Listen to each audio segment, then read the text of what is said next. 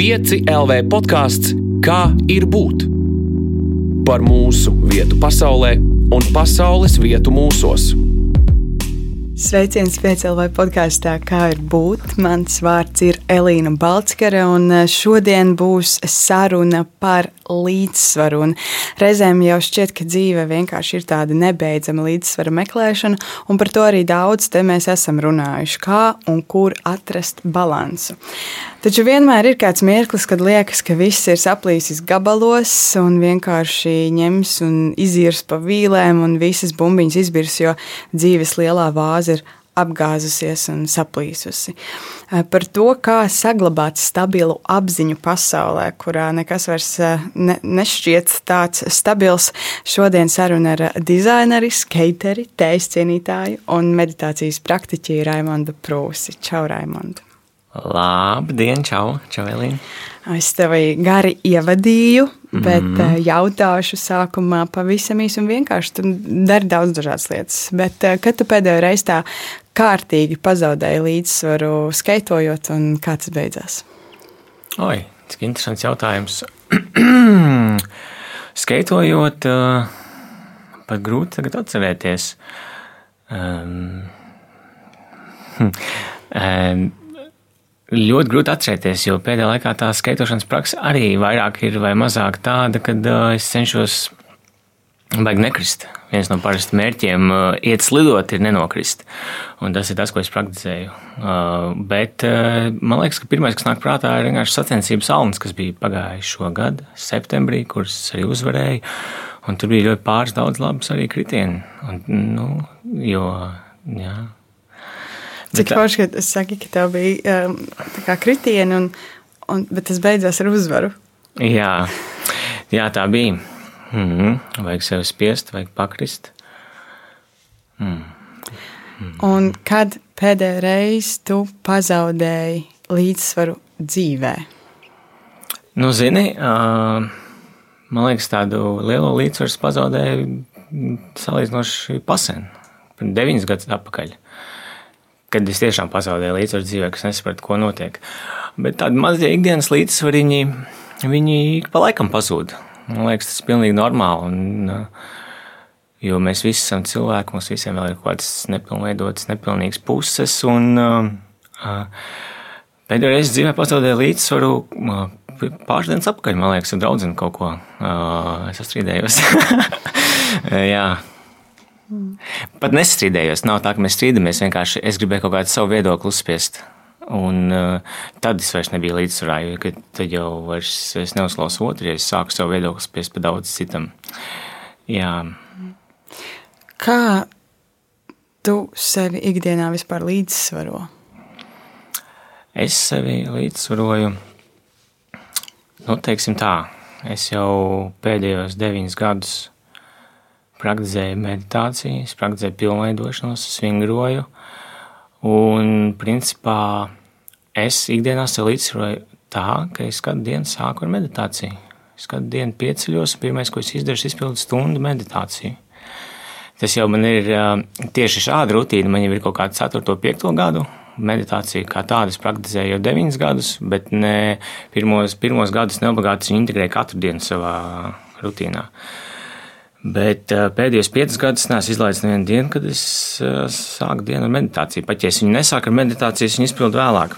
Bet, jā, es sev līdzsvaroju meditējot un lasot grāmatu, grāmatas vai pieredzes. Es domāju, ka mēs parunāsim noteikti arī par meditāciju un tavu ceļu šajā pasaulē, bet vēl nedaudz par tiem kritieniem un līdzsvariem runājot. Mm, tu rūpējies par savu līdzsvaru ikdienā, un tev pašam, kā tu saki, lielais kritiens, tāds pēdējais dzīves kritiens ir bijis uh, vairākus gadus atpakaļ, ko tu atceries, ka tu esi pilnībā pazaudējis līdzsvaru, un tajā brīdī tad jau mēs arī krītam. Bet kopumā skatoties uz kritieniem dzīvē, ko tie mums māca, tie lielie kritieni? Man liekas, ka viņi māca saprast pamatvērtības, viņas māca vispār, kritieni, man patiesībā nāk uzreiz viens citāts prātā, ko es lasīju salīdzinoši nesen. Un tur bija teikts tā, grāmatā vienā, ka tev nāksies paklupt un tādā veidā izprast īstenību. Tāds ir ceļš, kas tev ejams pilnveidojot sevi. Un pirmo reizi, kad to lasīju, tas arī bija jau arī vairākus gadus atpakaļ, man baigi dziļi rezonēja. Un es izpratu, ka tāds ir nu, mūsu katra pilnveidošanās ceļš ka mums nāksies paklupt un tādā veidā izprast īstenību. Jo mm, man liekas, ka tie kritieni vienkārši mācīja kaut kādas patiesas vērtības, dziļāk saprast sevi. Un, nu, dziļāk saprast sevi, saprast, kas ir labs un kas ir slikts, nošķirt kaut kādas, kaut kādas nepareizas lietas, nezinu, kaut kādas stūrgalvīgas tieksmes.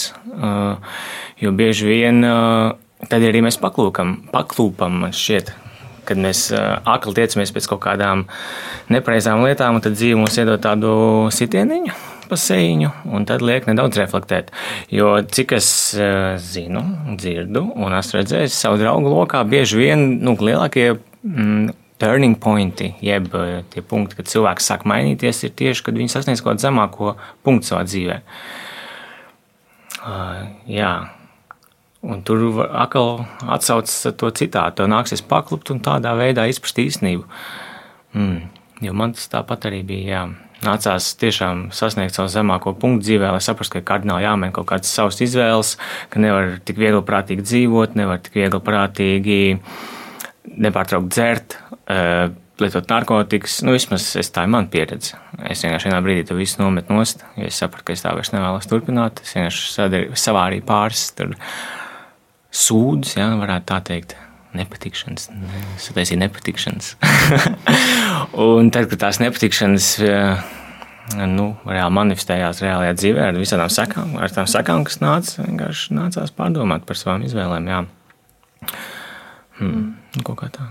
Tu vari vairāk pastāstīt par to savu, savu kritienu un, un to, kā tu piecēlies. Jo viens ir krist, un mēs visi krītam, es domāju, bet uh, ir liela starpība, kā katrs cilvēks ceļās vai neceļās. Viens vienkārši uzraušas ātri kājās un iet tālāk, kāds cits ļoti lēnām, pakāpeniski liekot vienu ķermeņa daļu augšā, un tad nākamo ceļus.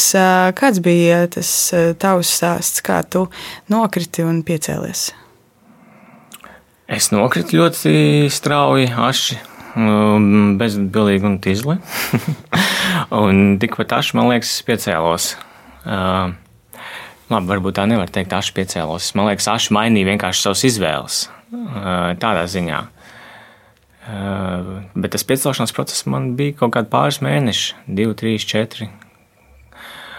Mm, lai gan es jau savā dzīvē visu laiku esmu bijis uz garīgo pusi, man vienmēr ir interesējusi meditācija, arī pirms, nezinu, tā lielā kritiena sava. Um, bet, tad, kad tas notika, es vienkārši sapratu, okay, nu, jāpārtāj dzīvot tik viegli prātīgi un nu, jāmainās. Bet tas pārmaiņu process man bija kaut kādi 2, 3, 4 mēneši, līdz arī vienkārši netīšām grāmatnīcā nopirku grāmatu, uh, kuras izlasīju, kur man pamainīja perspektīvu par dzīvi, par to, ka jāstrādā ar sevi. Un, jā. Ja tev vajadzētu tā raksturot, sevi, pat ne ļoti konkrēti, bet to sajūtu tevī, kāda tev bija tajā laikā, kad tu biji nokritis, un kāda sajūta tevī kopumā par pasauli ir eh, šobrīd. Mm. tā, tā perspektīva man šķiet ir ļoti kardināli mainījusies.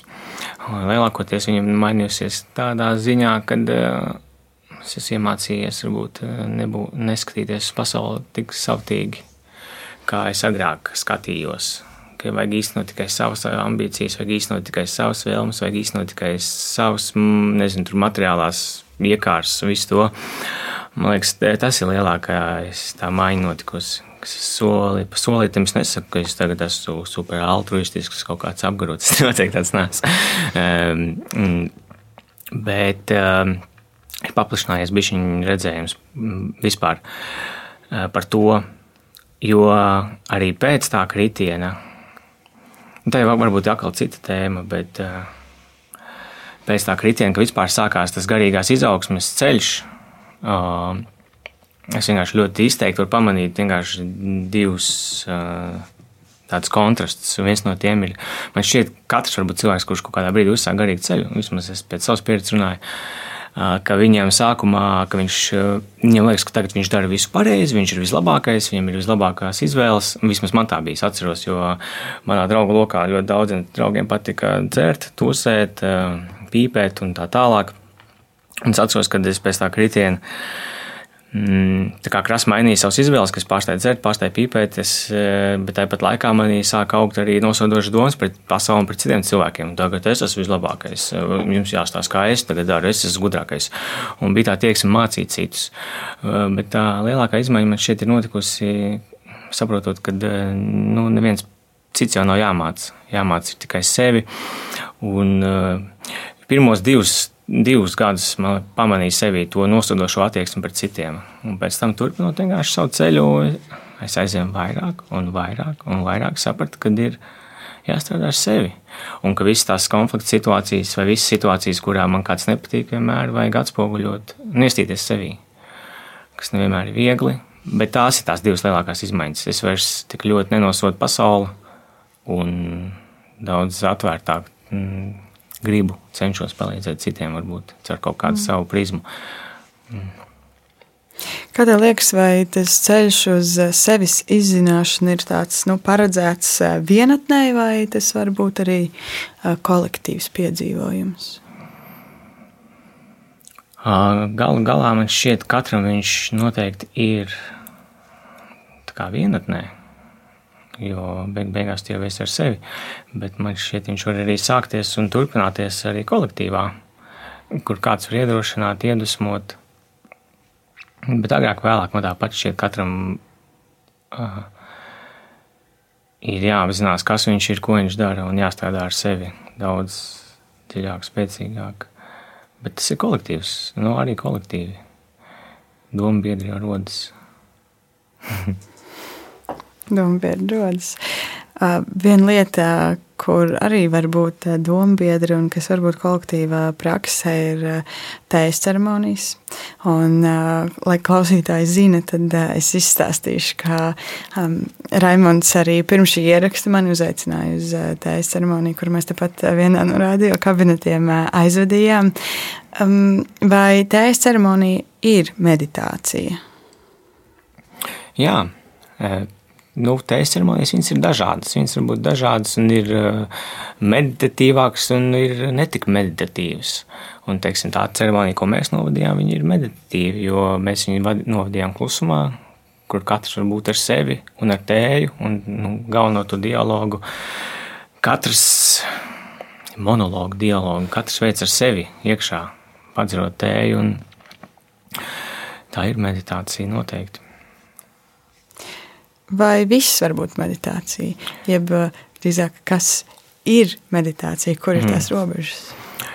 Šis ir labs jautājums. Es patiesībā savā ceļā aizvien vairāk apzinos, ka viss var būt meditācija. Bet vienkārši tas ir jāpašķirtina bišķiņu to vārdu, jo tāda meditācija kā meditācija, viņai var būt viens virziens, kā vingrojums, kā meditācija, kā vingrojums. Uh, tas ir kaut kas cits, bet es savā ceļā arī esmu izpratis, ka cilvēks jebko, ko var darīt, ja viņš ieiet tajā prāta stāvoklī, ka viņam nav citu domu, ka viņš koncentrējas vienam darbam, dara to no visas sirds, viņš ieiet tajā meditīvajā stāvoklī, tajā, nezinu, angliski teikt, flow state vai uh, tajā ka viņš tiešām ir tajā darbā, ar tīru sirdi visu dara. Un patiesībā savā ceļā es aizvien biežāk cenšos to praktizēt pilnīgi visā, ko es daru. Uh, Tieši tāpēc man to patīk arī praktizēt skrituļu lidošanā, jo es ticu, ka to arī var meistarot. Man patīk meistarot, un man tā viena no tām ambīcijām arī skrituļu lidošanā ir nevis kļūt par kaut labāko skrituļu lidotāju, bet meistarot to prasmi, iet tajā mm, flow state, ka es kontrolēju katru savu muskuli, katru savu ķermeņa šūnu, ka es kontrolēju to, kā tas triks izskatās, ka es kontrolēju kā es viņu pasniedzu, un to man patīk meistarot. Un tā man šķiet arī ir meditācija. Tas ir tāds dziļāks stāvoklis, kad tu sakonektējies. Un pagājušajā gadā es to ārkārtīgi spēcīgi izjūtu savā praksē. Mm, jā, un tas ir skaisti, un to pašu man šķiet var attiecināt uz jebkuru lietu, ko cilvēks dara dzīvē. Tāpēc man patīk arī dažreiz skatīties kaut kādas video, kas man Facebookā izlaiž no kaut kādiem japāņu meistariem, kur taisa teikaniņus vai no Eh, nezinu, māksliniekiem vai no kaut kā tā, ka cilvēks vienkārši ir saplūcis ar to lietu. Viņš ir tur, viņš ieliek visu savu sirdi un viņš neatstāja uh, nekādus caurumus. Kur var kaut kādas citas lietas ienākt. Un tas, man liekas, ir skaisti. Un, tas, un tā, man liekas, ir arī daļa no tāda īstenā skaistuma, kad tas tiek nu, izdarīts ar sirdi. Un tāpēc arī savā praksē visu, ko es daru, es cenšos to praktizēt integrēt, saplūst, meistarot. Man patīk meistarot lietas, gribu viņas meistarot. Man nav varbūt mērķis, jā, kļūt par labāko, nevajag pārprast, bet drīzāk meistarot priekš sevis. Jā. jā. um, man liekas, ka tas ir. Um, man personīgi tā sajūta, ka tas ir ļoti skaisti. Un uh, mūsdienās um, nu, mums ir tāda ātrā kultūra. Mēs dzīvojam pasaulē, kur mums diezgan daudz ko vajag ātri un uzreiz. Un, uh, ir ļoti skaisti, ka ir cilvēki, kuri turās pie kaut kā, kas ir lēns, bet tādā labā nozīmē lēns, jo tas ir līdz galam. Tu kā, dod laiku un telpu tai lietai, vietai, cilvēkiem vienalga, kas tas ir notikt. Vienkārši pie īstām un dziļāk. Tu saki par lietām, ko tu esi sapratis savā ceļā. Kas ir tā ceļa mērķis? Kur, kur, kur ved tas ceļš? tas ceļš ved atpakaļ, mm, gribas ticēt, eh, pie manas īstenās būtības. jo, jā, pie tā, kas patiesi esmu es, un man liekas, ka tur vēl man ir jāiet ceļš, lai es to līdz galam arī saprastu un līdz tam nonāktu. Kā tev šķiet, eh, svētlaime vai laime ir eh, lieta vai vieta? Lieta vai vieta man šķiet, ka svētlaime ir uh, neviens no otras. Kas tad? Man liekas, tas ir uh, prāta stāvoklis. Man liekas, tas ir uh, prāta stāvoklis, sirds stāvoklis. Mm. Jā. Tad jau vairāk vieta droši vien. Kāda vieta, vai ne, mūsu? Mūsos. Vieta mūsu sirsniņās, jā. Fiziska mm. vieta varbūt. Man, man šķiet, ka fiziska vieta ne. Mm. Tu ar to, ko tu nodarbojies, um, tuvojies austrumu praksēm un, un uh, idejām. Un ne tikai austrumu, bet arī citas dažādas garīgas prakses mūsdienās mūsu kapitālismu pasaulē bieži vien tiek vienkārši kapitalizētas vai padarītas par kārtīgu biznesu, un, un ik uz soļa jau patiesībā mums piedāvā nopirkt pēdiņās nopirkt dvēseles mieru un, un tam līdzīgi. Ko tu par to domā? Jo es domāju, ka tu arī to redzi apkārt mums. Nu, tā ir. Um, tur, kur ir ortodo, ortodoksāls, tur arī ir demonisks. Tur, kur ir balts, tur arī melns, tur, kur ir ķīņa, tur ir jaņa. Um, tāda ir šī pasaule. Un uh, tur, kur ir īstenis prakses, tur arī būs prakses, kuras uh, piedāvās tev par naudu sasniegt mieru. Bet vai viņas ir īstenis prakses? Nu, mm, tic, mm, ticamāk, nē. Nu, nu, es tā, tā to redzu. mm. Bet tev tas nebiedē, ka tas ir starp mums, vai tu to pieņem vienkārši kā? Es laikam likumu. par to pārāk daudz neesmu domājis. Tas ir. Es arī laikam arī neesmu to tik daudz saskāries. Tas ir kaut kādā ziņā bailīgi, un kaut kādā ziņā žēl, ka cilvēki var sevi tur pazaudēt kaut kādās, nezinu, demoniskās lietās. Bet tāpat laikā ja sanāk ar to saskarties, var mēģināt palīdzēt tiem cilvēkiem. Bet, nu, jā, mēs jau, nu, ko, es nezinu, ko es saku. um, par, par, par citu, un arī joprojām uh, garīgu. Kā tev šķiet, vai piemēram skaita, inline kultūra um, arī varētu būt kaut kāds 21. gadsimta urbānais spirituālisms? Um, man ar sopu solim gribas aizvien vairāk ticēt, ka tas var līdz tam nonākt. Pagaidām man šķiet, ka uh, nē, nu, tas savā ziņā tas kaut kāda tāda loma varbūt bišķi spēlēt. Nu, protams, tur nav tādas garīgas vērtības, kuras tur iet sludina skateboarda meistari un māca. Man savā ceļā ejot un nodarbojoties, nezinu, ar meditāciju, ar vingrošanu, uh, kaut kādā brīdī arī bija tas, ka es vienkārši nonācu pie izpratnes, ka patiesībā skrituves lidošana, nezinu, skateboards vai kāds ekstrēmais sports, es viņu savilku ar to, ka tas ir patiesībā līdzīgi kā austrumu cīņas mākslām, kā kung fu, kā kaut, kaut kā tādām praksēm. Vismaz es priekš sevis to sāku tā skatīties un tā praktizēt. Jo vienā brīdī, kad es sāku būt vairāk garīgs, tur meditēt, es biju nogājis no, ekstrēmās industrijas, jo es redzēju, ka tur viss dzēra tusē, man it kā tajā laikā tas baigi neinteresēja. Bet jā, tad es nonācu pie tās izpratnes, kad es varu to skrituves lidošanu meistarot caur pamatiem no visa, eh, visa tā un apvienot, nu, tā kā caurstrāvot to ar sevis pilnveidošanu.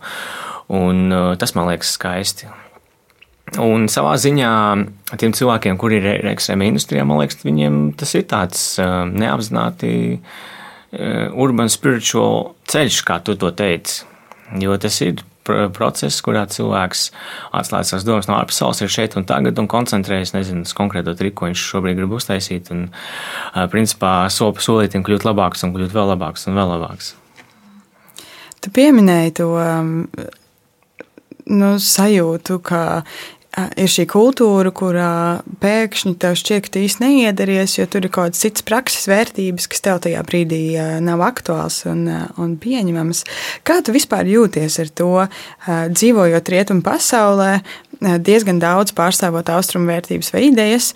Um, un, un esot patiesībā, kā jau pats saki, tādā vidē, kas nu, tādam virspusīgam skatītājam droši vien liekas, ka šausmas tur kaut kāda dūla cilvēka vienkārši iet un ārdās, un kas viņam vispār notiek. Neviens droši vien nevar iedomāties, ka tas čalis katru rītu stundu meditē. Jā, kas bija jautājums? kā, kā tu jūties? Vai tu, tev pašam ir tā? ka tev iekšā ir vienas vērtības, tur ārā ir kaut kas cits, vai tu tur jūti kaut kādu spiedienu, spriedzi, vai tev ir bijis grūti pašam kaut kādā mirklī to apvienot. Jo tagad tev ir atrasts risinājums tam, tu, tu stāsti par to, ko tu saprati, bet droši vien tas ceļš nav bijis tik tāds vienkāršs. Uh, nu, patiesībā. Patiesībā es jau lielākoties, kā es nonācu līdz kaut kādiem vingrojumiem, meditācijas, tas jau bija caur arī skrituves lidošanas prizmu, caur ekstrēmo sporta prizmu, jo man gribējās stiprināt un meistarot savu ķermeni. Un uh, es jau pirms tam nu, arī ar jogu bija daudz nodarbojies. Man gribējās vienkārši nu, kļūt lokanākam, stiprākam, spēcīgākam, lai varētu nu, meistarot vairāk skrituves lidošanu. Un savā ziņā tas, kad es nonācu arī līdz šai cigunu praksē, līdz meditācijai, mm, tas man ļoti daudz pavērs plašāku perspektīvu. Un es, eh, un man šķiet, ka tas pilnīgi jebkuram un visiem ir ārkārtīgi vērtīgi un svarīgi, jo uh, austrumu kultūrā cilvēka ķermenis vienmēr ticis uzskatīts par mazu visumu, un cilvēka ķermenī ir vairāk desmit tūkstoši enerģētisko kanālu. Un tad caur šādām praksēm, kas nav tikai muskuļu staipīšana vai joga, bet tieši caur cigunu praksēm, caur vieglu plūstošiem vingrojumiem, šos enerģētiskos kanālus var apvienot, paplašināt, stiprināt. Un, um, Nu, tur ir vesels kosmos tajā iekšā. Man tas ārkārtīgi patīk. Un tieši tāpēc es arī viens bija no tiem aspektiem, kad es to turpināju praktizēt, jo es vienkārši ārkārtīgi ātri sāku izjust izmaiņas savā ķermenī. Es sāku izjust to, ka mans ķermenis ir enerģiski. Uh, Spēcīgāks paliek, arī lokanāks paliek, pat ja es nebiju baigi staipījies. Un tieši tāpēc es to turpinu praktizēt. Un tieši tāpēc man liekas, ka vismaz runājot par ekstrēmo kultūru, tas ir uh, es aizvien vairāk pamanu, ka cilvēkiem tas aizvien vairāk interesē, un kaut kādā ziņā cilvēki grib nu, arī tiec uz to.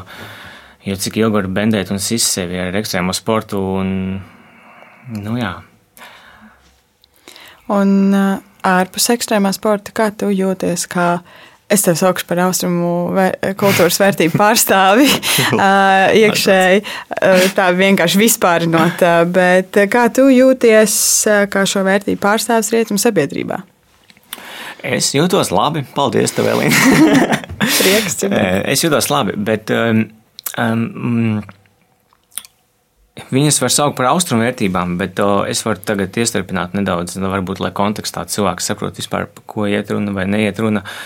Es jau 9 gadus praktizēju Falun Dāfa praksi. Mm, un Falun Dāfa praksa, viņi nāk no austrumiem, viņi nāk no Ķīnas, un tā ir ciguna praksa, bet tā arī ir praksa, mm, kur cilvēks pilnveido gan ķermeni, gan dvēseli, tā ir ķermeņa dvēseles pilnveidošanās praksa.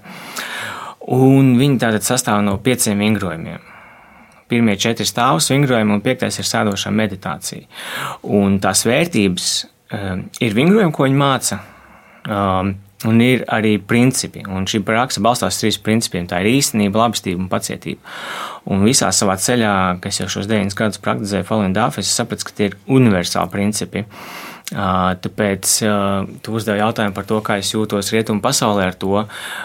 Savā ziņā Vispār austrumu kultūra ir ārkārtīgi dziļa tieši mm, runāju, par budas sistēmu, par dāvu sistēmu, par tādām mm, dažādiem šādiem jautājumiem. Tur ir tāda ļoti dziļa tāda sevis pilnveidošanas kultūra, jo rietumos lielākoties vairāk tā garīgā kultūra ir caur reliģisko prizmu, caur kristietību, bet es esmu izpratis, ka. Mm, Jā, kad šīs vērtības, ko es esmu iemācījies ar Falenu Dāfu, ka viņas ir ļoti universālas. Un kad uh, es neredzu to robežu starp tik ļoti starp tiem, eh, kā tu minēji, rietumu cilvēkiem, jo galu galā, ja mēs apsēžamies parunāt pie tēs, tas vai pēc tēs, tas mēs runājam par eh, universāliem principiem, par sevis pilnveidošanu, nezinu, kā atbrīvoties no dažādām tieksmēm, kā paaugstināt savu domāšanu, kā, nu, jā, tā kā, jo Falun Dafa nav tāda izteikti tikai uh, austrumu cilvēki to var prakticēt. Tas ir izplatījies visā plasa, pasaulē, tā praksa ir arī bezmaksas. Un, un principā viņi vienkārši māca ļoti universāls uh, principus, un tāpat laikā kā arī nostiprināt savu fizisko veselību. Tā. Kā tu nošķir, kas ir tā starpība starp reliģiskumu un garīgumu? Um, Reliģisks, nu, kā šis, protams, viss man ir ierobežot izpratni, nu, nekas nav absolūts. bet reliģiski, varbūt man nav tik dziļi izpratni tajā, bet reliģija, man liekas, ir, kur jau ir, pie, nu, kur ir reliģisks formas ieņemts. Reliģiski rituāli, reliģisks formas, bet garīgums, garīgums man šķiet ir vairāk katra individuāls ceļš, ka varbūt kat, kat cilvēks varbūt arī ir kristietis, bet viņš neobligāti iet uz nezinu, Labi, mm, es nezinu, ko es runāšu, bet eh, ka neobligāti viņš iet uz baznīcas vietas katru reizi uz kaut kādiem šiem reliģiskiem dievkalpojumiem, bet viņam varbūt ir, eh, nezinu, sava ticība caur kristietības prizmu kaut kam augstākam dievam vai jebkam citam, viņam ir tātad šis garīgums. Bet neobligāti viņš ir kristietis kaut kādā nu, reliģiskajā grupā. Un, man liekas, tur ir tā atšķirība. Un tad uh, arī Faluna Dāfa praksa, viņa nav reliģija, bet viņa ir mm, pilnveidošanās sistēmā, kā budas sistēmā. Jā, nevis kā budisms, kā reliģija, jo budisms nāk no senās Indijas, kur budišakiem manī 2500 gadus atpakaļ sasniedz apskaidrību zem, zem bodīja koka, tad sāk izplatīt savas mācības, un tas gadsimtu un tūkstošu gadu laikā ir caurstrā, nu, izaudzis par reliģiju, kurai arī vairāk jāatcer zen, budisms, tantrisms, mm. dažādi citādi. Nu, lūk, un tur ir reliģiskas formas vienkārši. Nezinu, tur ir budismā vienas reliģiskās formas, citai praksē citas reliģiskās formas, kristietībai citas reliģiskās formas. Garīgums, garīgumam šķiet neobligāti ir tās reliģiskās formas. Un ir īpaši Valendāfa praksē, tur nav tāda reliģiska forma. Tur ir pieci vingrojumi Katrs var pameditēt, katrs var pavingrot, un tāpat laikā ir arī izklāstīti šie principi, kā strādāt ar sevi, kā pilnveidot sevi. Nu, kā tā. Hm. Viena no lietām, um, un praksēm, kas ir tavā garīgajā ceļā, un par kuru mēs jau nedaudz runājām, ir tējas ceremonijas. Man liekas, ka tas ir um, daudziem vēl tāds. Um, ļoti nepazīstams stāsts un, un fenomens. Tad varbūt var pastāstīt, no kā sastāv un kāda ir laba tējas ceremonijas pieredze. Jā, tēju es praktizēju arī tā aktīvi. Nu, tieši vairāk tā ceremoniāli, ar to garīgo pieskaņu, kaut kāds 3-4 gadus. Un pēdējo gadu, pusotru, es esmu vēl aktīvāk sācis praktizēt tieši šīs ceremoniālās formas un, un sācis servēt arī citiem. Ja agrāk es dzēru tikai sev, uh, Tad tagad es esmu sācis servēt draugiem. Un es esmu sevis esmu pamanījis, ka dēļas ceremonija ir lieliska vieta un laiks, kur cilvēks vienkārši var saslēgties ar sevi. Un tējas ceremonijas laikā, dzerot tēju klusumā, katram, jā, katram klātsošiem ir savs iekšējais ceļojums ar sevi un ar tēju. Un Laba tējas eh, ceremonija, atbildot uz tavu jautājumu, ir tāda, kur, kur kā, katrs klātesošais ir kaut ko ieguvis no, tā, no tās, vai, vai nu bišķiņa izpratnes, vai dziļāk izpratnes kaut ko par sevi. Un, jo tēja jau arī uh, mums māca vienkārši ieskatīties dziļāk sevī. Un tieši tāpēc man arī patīk praktizēt tējas ceremonijas un uh, biežāk servēt citiem, jo neobligāti mums uzreiz jārunā par kaut kādām garīgām vērtībām. Neobligāti man uzreiz jāstāsta par kaut kādu savu praksi, neobligāti man ir uzreiz jāuzspiež kaut kādu savu viedokli. Mēs atnākam, apsēžamies. Pusstundu līdz stundai padzeram tēju klusumā, un katram ir savs ceļš. Katrs var uh, savus mēslus atsiet, katrs var pirmkārt tos savus mēslus saskatīt, varbūt dziļāk. Un tā ir vieta un laiks, kur katrs var uh, augt. Labi, tējas ceremonija man šķiet ir, kur ir laba tēja. mm, ir laba tēja un servētājs mm, vienkārši rada vietu un laiku, kur katrs cilvēks var pats nedaudz vairāk ieceļot sevī. Kā tu vispār nonāci līdz tam, ka tēja ir nevis dzēriens, ko mēs aplējam krūzītē, lai sasildītos, tad, kad ir palicis vēsāks, vai izdzertu kādu kumelīti, kad gribās nomierināties, bet ka tēja ir kaut kas vairāk, tas ir stāsts, notikums un, un pieredze. Jā, es tā vairāk sāku ceļot tējā, arī kad es pirmo reizi aizgāju pie Līves Oliņas, Līves Franks nu jau uz tējas ceremoniju. Tas bija 2020. gadā. Jo es līdz tam arī dzēru tēju, bet es viņu nedzēru, un es nebiju iepazinis to prizmu caur tādu ceremoniju, kā viņi toreiz pasniedz. Šātout uh, Līva! Uh, paldies tev! Uh, jā, un tad es iepazinu to. Mm, to ceremoniālo tradīciju, kuras arī šobrīd praktizēju, kuru arī ļoti kā var teikt, sludina Global Tīhat Taivānā. Un tad es arī tur esmu izgājis dažus kursus, kursus, un arī ar Līvu un arī citiem draugiem esmu daudz sapazinies, kuri arī caurstrāvo šo tējas tradīciju. Un, Es līdz tam, nu, nu, tas principā tas nonāca, es līdz tam nonācu dēļ tā, ka es vispār ļoti loloju garīgumu. Un uh, tad tēja bija tas viens no ceļiem, kas arī patiesībā ir tāds teiciens, tēja un dāo ir viens, viena garša. Tea and dāo is one flavor. Un es savā ceļā teicos vienkārši pēc dāo. Ir tāds uh, ķīniešiem teiciens dāo tas ir ceļš, visuma ceļš.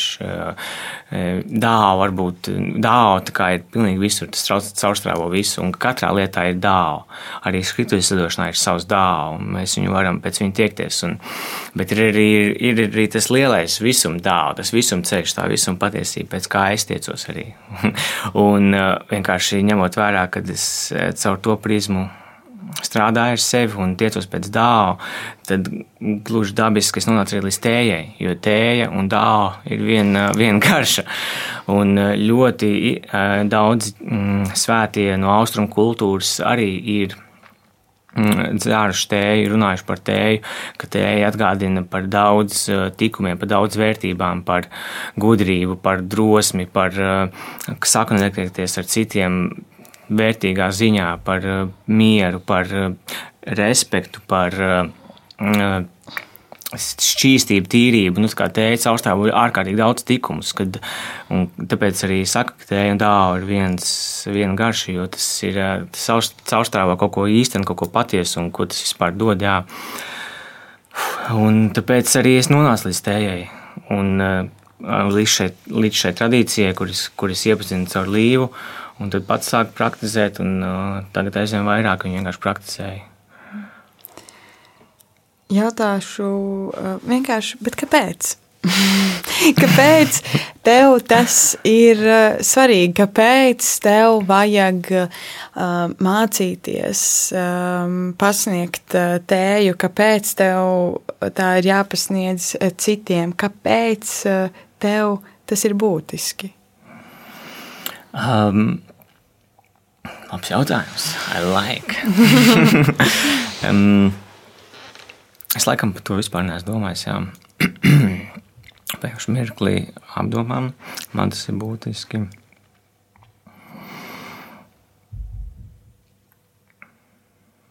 Laikam jau būtiski man tas ir, lai vienkārši parādītu citiem un palīdzētu citiem, kuri varbūt ir varbūt vairāk pazuduši, varbūt mazāk pazuduši, bet kaut kur varbūt iesprūduši savā dzīvē, ka ir arī nu, ka ir, ir ceļi, kā strādāt ar sevi. Ir ceļi. Es vienkārši vairāk laikam. Man laikam nav mērķis kā baigi servēt citiem. Neobligāti ir tāds mērķis, bet vienkārši ir tāds sens teiciens, mēs visvairāk, visvairāk dodot, mēs visvairāk saņemam. un, jā, man vienkārši, laikam, es pats caur tajā dzīvoju, tajā esmu, man vienkārši to gribas nodot arī citiem, kuri un gribās to nodot cilvēkiem, kuri varbūt ir kaut kādos jautājumos iesprūduši. Mēs varam vienkārši apsēsties. Neobligāti es esmu skolnieks, skolotājs, viņš ir skolnieks. Vienkārši mēs varam apsēsties un parunāt par dzīvi. Ehm, tik vienkārši. Jā. Kā tas, kas notiek tevī iekšā, atspoguļojas ārā? Ko? Šie ir jautājumi, par kuriem es tev brīdināju pirms podkāstā. Uh, bet kā, kā nu, mēs katra, katrā no mums uh, notiek kaut kādas lietas iekšā, un viņas kaut kā nāk ārā. Un ir uh, reizes, kad tas um, nu, iet kaut kā tā organiski, normāli līdzsvaroti. Bet uh, reizēm ir arī situācijas, kur mūsos notiek kaut kas iekšā, un tas pilnīgi apgrieztī, atžgārni iznāk no mums ārā. Bet kā ir ar tevi? Kas ir tas, kas tevī notiek iekšā, un, un kā mēs to varam ieraudzīt, skatoties uz tevi no āras, no ārā. Mm. Es to nesaprotu. es atvainojos. Um,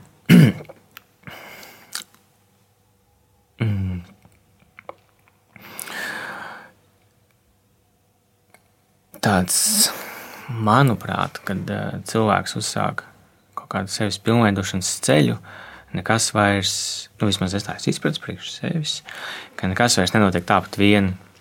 Visas situācijas ir ar kaut ko saistītas, un visas situācijas es arī izpratu, visi konflikti, visas nesaskaņas, visas, viss, ar ko es arī ikdienā turpinu saskarties, tas ir saistīts ar uh, mani, ar manām nepilnībām, ar manām pieķeršanām, ar lietām, kurām man vēl ir jāstrādā. Um, teiksim, īstena pilnveidošanās, kā es esmu izpratis, nav katru rītu piecelties un izpildīt meditāciju. nu, tā ir kaut kāds, tas var būt sākums, bet īstenībā pilnveidošanās ir, manuprāt, tieši vissarežģītākajos apstākļos ikdienā, kad tiek testēts tavs sirds stāvoklis no dažādām perspektīvām. To es esmu izpratis. Tur ir īstenībā pilnveidošanās, tur atspoguļojas, vai tu patiesi strādā ar sevi. Jo cilvēks, kurš nepilnveidojas, ir atšķirības starp cilvēku, kurš pilnveidojas vienkārši starp nezinu, praktizētāju, kurš praktizē meditāciju. Nu, vismaz es tā savā līmenī runāju tagad.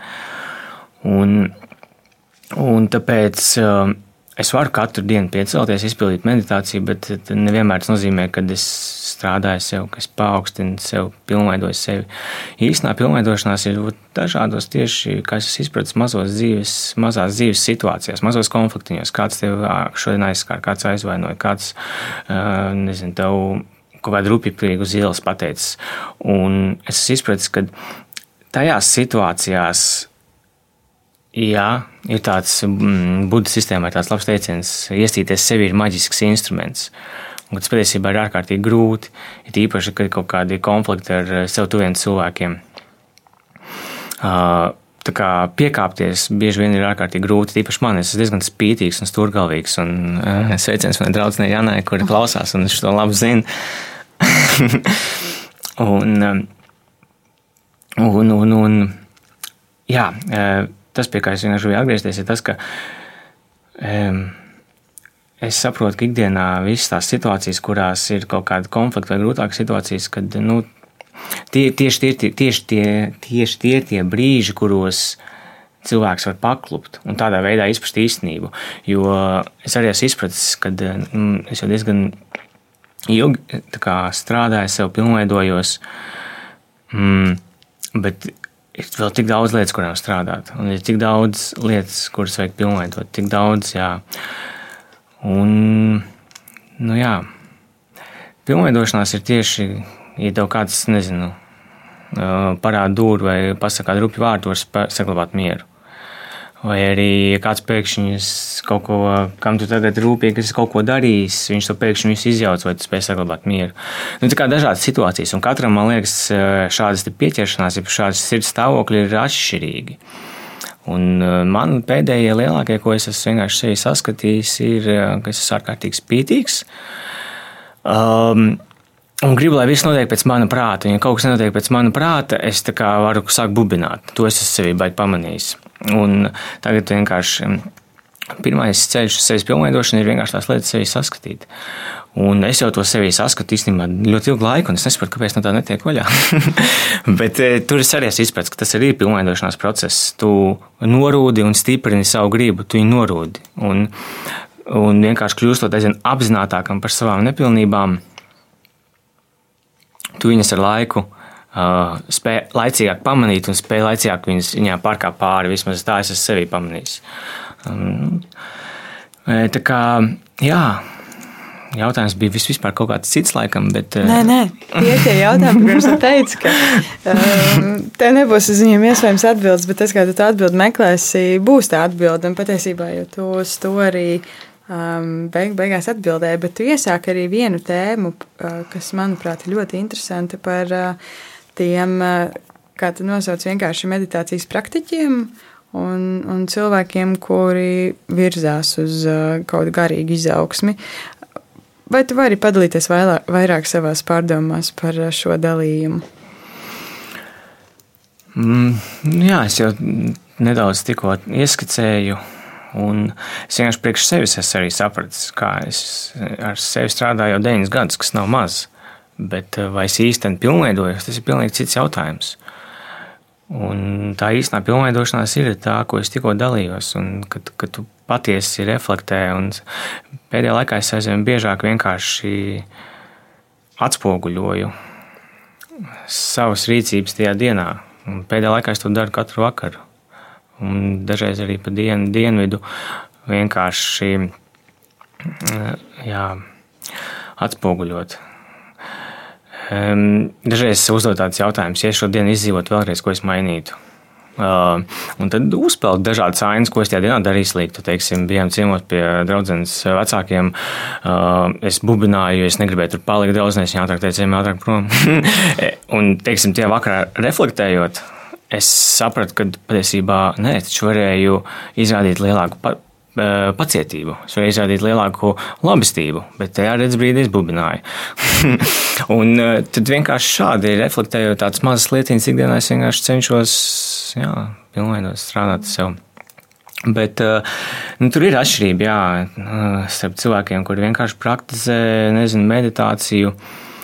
Mm, jā, jo nevar meklēt ārpus sevis, to es arī izpratis ka viss ir mūsos iekšā, bet nu, tas prasa zināmu darbu un sapratni, lai saprastu, kas tad ir tur iekšā. un katru dienu vienkārši meditējot, tas arī neko baigi neatrisina. Jo es vienkārši to pamanīju, kā, e, kad es, nezinu, piecus gadus atpakaļ sāku pilnīgi katru dienu stundu meditēt. Man liekas, o, nu es tur pēc gada jau nu, kaut kāds tur, zinu, guru apskaidrotais var būt. Bet tā jau nav. Un ka tās visas lietas, kas tev ir, viņas jau viņas vienkārši tev ir. Ja tu viņas neatbrīvo, grāmatā Džona Fulina ir viens interesants, interesants salīdzinājums, ka cilvēka ķermenis vispār viņa pilnveidošanās process ir līdzīgs tam, ka uh, netīrumiem pilna pudele ar aizsūtu korķi ir iemest ūdenī.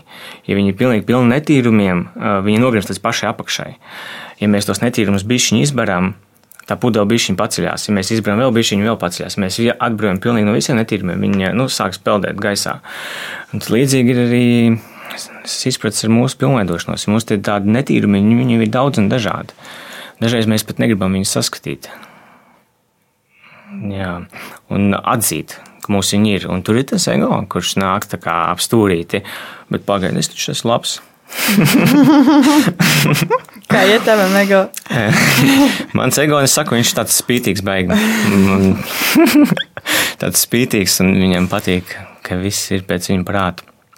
Bet eh, tāpat laikā visi tie cilvēki, nezinu, kur arī ikdienā nu, uzsākt tās meditācijas, sākums jau ir labs. Man liekas, ka katrs vienkārši ar laiku nonāk līdz tam brīdim, kad saproti, ka eh, vai kaut kādu beigo izrāvienu, lai tu vēl dziļāk ieietu tajā miera stāvoklī. Un to miera stāvokli uh, uh, es arī esmu izpratis, uh, lasot Džoņu Faluņu, ka miera stāvoklis arī tiek sasniegts pakāpeniski no virspusējā uz dziļāko sākumā cilvēks praktizē meditāciju, viņš var 5-10 minūtes nosēdēt mierā. Bet tāpat laikā tur ir tā pilnveidošanās, ka mēs stiprinām savu galveno apziņu. Mēs atbrīvojam sevi no visām pieķeršanām, no dažādām stūrgalvīgām tieksmēm. Budas sistēmā runā par tukšumu, dāvā sistēmā runā par nebūtību, ne pēc kā nav, ne pēc kā netiekties. Uh, patiesībā tas jau nenozīmē, ka tu materiāli visu laiku kaut ko zaudē. Man ir iPhone, man ir drēbes, man patīk pirkt lietas, bet eh, um, lietas būtībā slēpjas uh, spējā nepieķerties. Nu, cilvēki arī mūsdienās tiecas ātri kļūt bagāti. Es īstenībā sevi arī nesen pamanīju šo domu, ka viņa bija kaut kur dziļi man iesakņojusies, kas arī gribu būt eh, bagāts un ātri. un tas tā kā ok jāpalaiž šī tā, tā doma vaļā, ko, ko tu vispār dari. Un, nu, nu jā, Bet jebkurš, man liekas, kurš tā, jebkurā gadījumā, jebkurš, kurš praktizē meditāciju vai kaut cik strādā ar sevi, agrāk vai vēlāk, viņš jau tāpat nonāk pie kādām savām atklāsmēm. Bet tur nu, no sevis neaizbēgs. Ir jāstrādā pie tām lietām. Jāstrādā vienkārši pie sevis. Pie dažādām pieķeršanām, tieksmēm, stūrgalvīgām tieksmēm un tādām. Tu stāsti par savu ceļu, kurš ir sācies pirms deviņiem gadiem. Tas ir bijis diezgan bagātīgs. Tev ir daudz atklāsmju ideju, un tas ir nepārtraukti papildinās. Tā viens šķiet tevī klausoties. Bet vai visu šo gadu laikā, un arī pirms tam, tu skaties citos virzienos, nu, ka tu varētu izvēlēties nevis šīs idejas un prakses virzienus, bet doties citu ceļu? Vai mans māja ir galva, sakot, nē? Nav man tā bijis, nē. Mm. Kāpēc? Jautāsiet, jā. jā kāpēc? Nav man tā bijis. Tāpēc, kad um, nē, man bija vispār tas stāsts bija tāds, kad es jau pirms tam dalījos, ka man jau 18, 17, 18, 19, 20 gados interesēja garīgums. Un, uh, vienā brīdī es vienkārši sapratu, ka es pats nu, nevaru izprast neko, un ekskolotāju. Un, kad man bija dzimusi šī doma, tad viss sastājās ar to, ka es savārīju tos sūdus. Tie sūdi, starp citu, ja kāds klausās un interesē, kas notika 9 gadus atpakaļ, es vienkārši bez tiesībām ar mocu bēgu no policijas aizbēgu, noslēpu moci, viņi to moci atrada. Tas nebija mans mocis, zvanīja moči īpašnieks, teica, Raimond, ko tu esi sadarījis? Tad es aizgāju mājās, es biju tajā iepīpēju zālīti, domāju, ko lai dara savu dzīvi, policija līdz savāks moci, bla, bla, bla. Parunāju saviem istabas biedriem, kad dzīvoju centrā, aizgāju atzīties, piegāju pie policistiem, kuri tajā brīdī grasījās mocu evakuēt. Viņi, es viņiem teicu, hei, tas bija es, kas ar to mocu tikko muku. Jo tā mukšana nebija vienkārši. Es caur, es caur, vēr, caur kongresnam pārko ar to mocu braucu, apdraudēju visu cilvēku dzīvības, uh, pa pretējām joslām bēgu. Un, nu, tā interesanti bija. Un tad aizgāju atzīties. aizgāju atzīties. Um, policists man pastījās kā uz jocīgu. Prasīja, vai es esmu lietojis alkoholu. Es teicu, nē, viņi prasīja, vai es lietoju narkotikas. Es teicu, kad es braucu mocu, nē. Viņi izgāja ārā, parunāja savā starpā, pateica, labi, mēs to netaisīsim nekādas pārbaudas, tev tāpat būs liela sūda. Un tā, tas bija tas stāsts. un, un to izstāst mums tikai tagad. jā, tas būtu interesanti. Un, un, un jā, tad vienkārši es vienkārši sapratu, ko es daru savā dzīvē, kāpēc es tādas muļķības daru, kā tas vispār tik tālu noticis. Un, jā, jā, jā, bla, bla, bla. Un atgriežoties pie jautājuma, vai es skatījos citos ceļos, vienkārši mm, šis ceļš pie manis atnāca. Kad es vienkārši arī gāju caur vecīgu, redzēju, kā 88 gadus veca sieviete sēž pilnajā lotusā, sakštojas kājas un meditē. Viņa man iedeva bukletiņu, kas bija par Falun Dāfa bukletiņš. Es to bukletiņu kādu laiku mājās noliku, neaiztiku. Un tad vienu dienu es aizgāju uz grāmatnīcu un uh, gribēju nopirkt uh, kaut kādu garīgu literatūru. Nopirku kaut kādas trīs, četras grāmatas, un viena no tām grāmatām izrādījās ir Joņa Falūņa, kas ir Falūņa Dāfa prakses grāmata.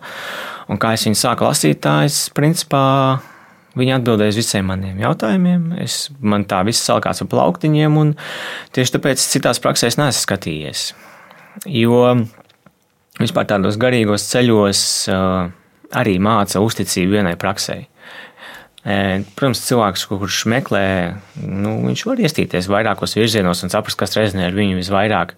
Bet, kad cilvēks, kā es izpratu, patiesi uzsāk kaut kādu sevi pilnveidošanas ceļu, ir jābūt uzticīgam vienai praksē. Jo pretējā gadījumā tu neko nesaņemsi. Ja tu stāvi ar divām, divām Ja tu stāvi ar katru, ar katru kāju divās laivās vienlaicīgi, tu nekur īsti netiksi. Tu paliksi krastā, varbūt iekrīs ūdenī. Un, nu, vismaz tas ir princips arī mm, Budas sistēmā. Par tādu runā, par uzticību vienai praksē. Tāpēc es citās praksēs neesmu skatījies. Bet, kas attiecas uz pašu Falendāfa praksi, es izpratu, ka tā arī ir tāda ļoti. Mm, tāda visaptvaroša praksa, jo, kā jau minēju, tā nav reliģija. Viņa māca vairāk tādus fundamentālus principus, māca fundamentālo visumu dālu, nu, vismaz priekš manis. Un, es, es saprotu, ka tur arī kā, nu, cilvēks nešķiro. Un, nu, kā, katrs var arī brīvi nākt, eh, var arī ar reliģiskām pārliecībām, nu, kā cilvēki nākt. Bet, nu, agrāk vai vēlāk tāpat cilvēkam ir kaut kādas savas fundamentālas izvēles jāizdara. Tāpēc manējā bija šāda, un viņa joprojām ir. Um, Raimond, man ir eh, pavisam nedaudz cilvēcīgi žēl, tad man ego droši vien darbojas, ka mēs uh, tikai tagad uh, dzirdējām moču stāstu un, un um, stāstu par um, salīdzinoši nejaušo grāmatu. Bet um, paldies tev, ka tu šodien dalījies savā skatījumā, savā ceļā un savā pieredzē. Uh, Jo mums jau tās pieredzes katram ir ļoti atšķirīga, un tavs ceļš ir tavs, kā cita ceļš ir cita ceļš.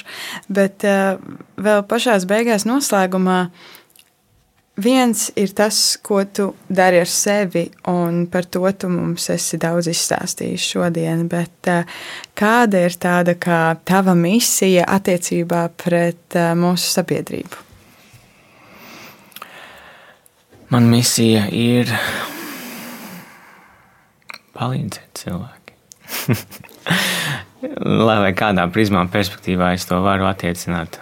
Nu, es nezinu, kā, cik tu to prasmā virspusē vai dziļi. Es Zin, nezinu. Tikai dziļi. tikai dziļi. uh, nu, jā.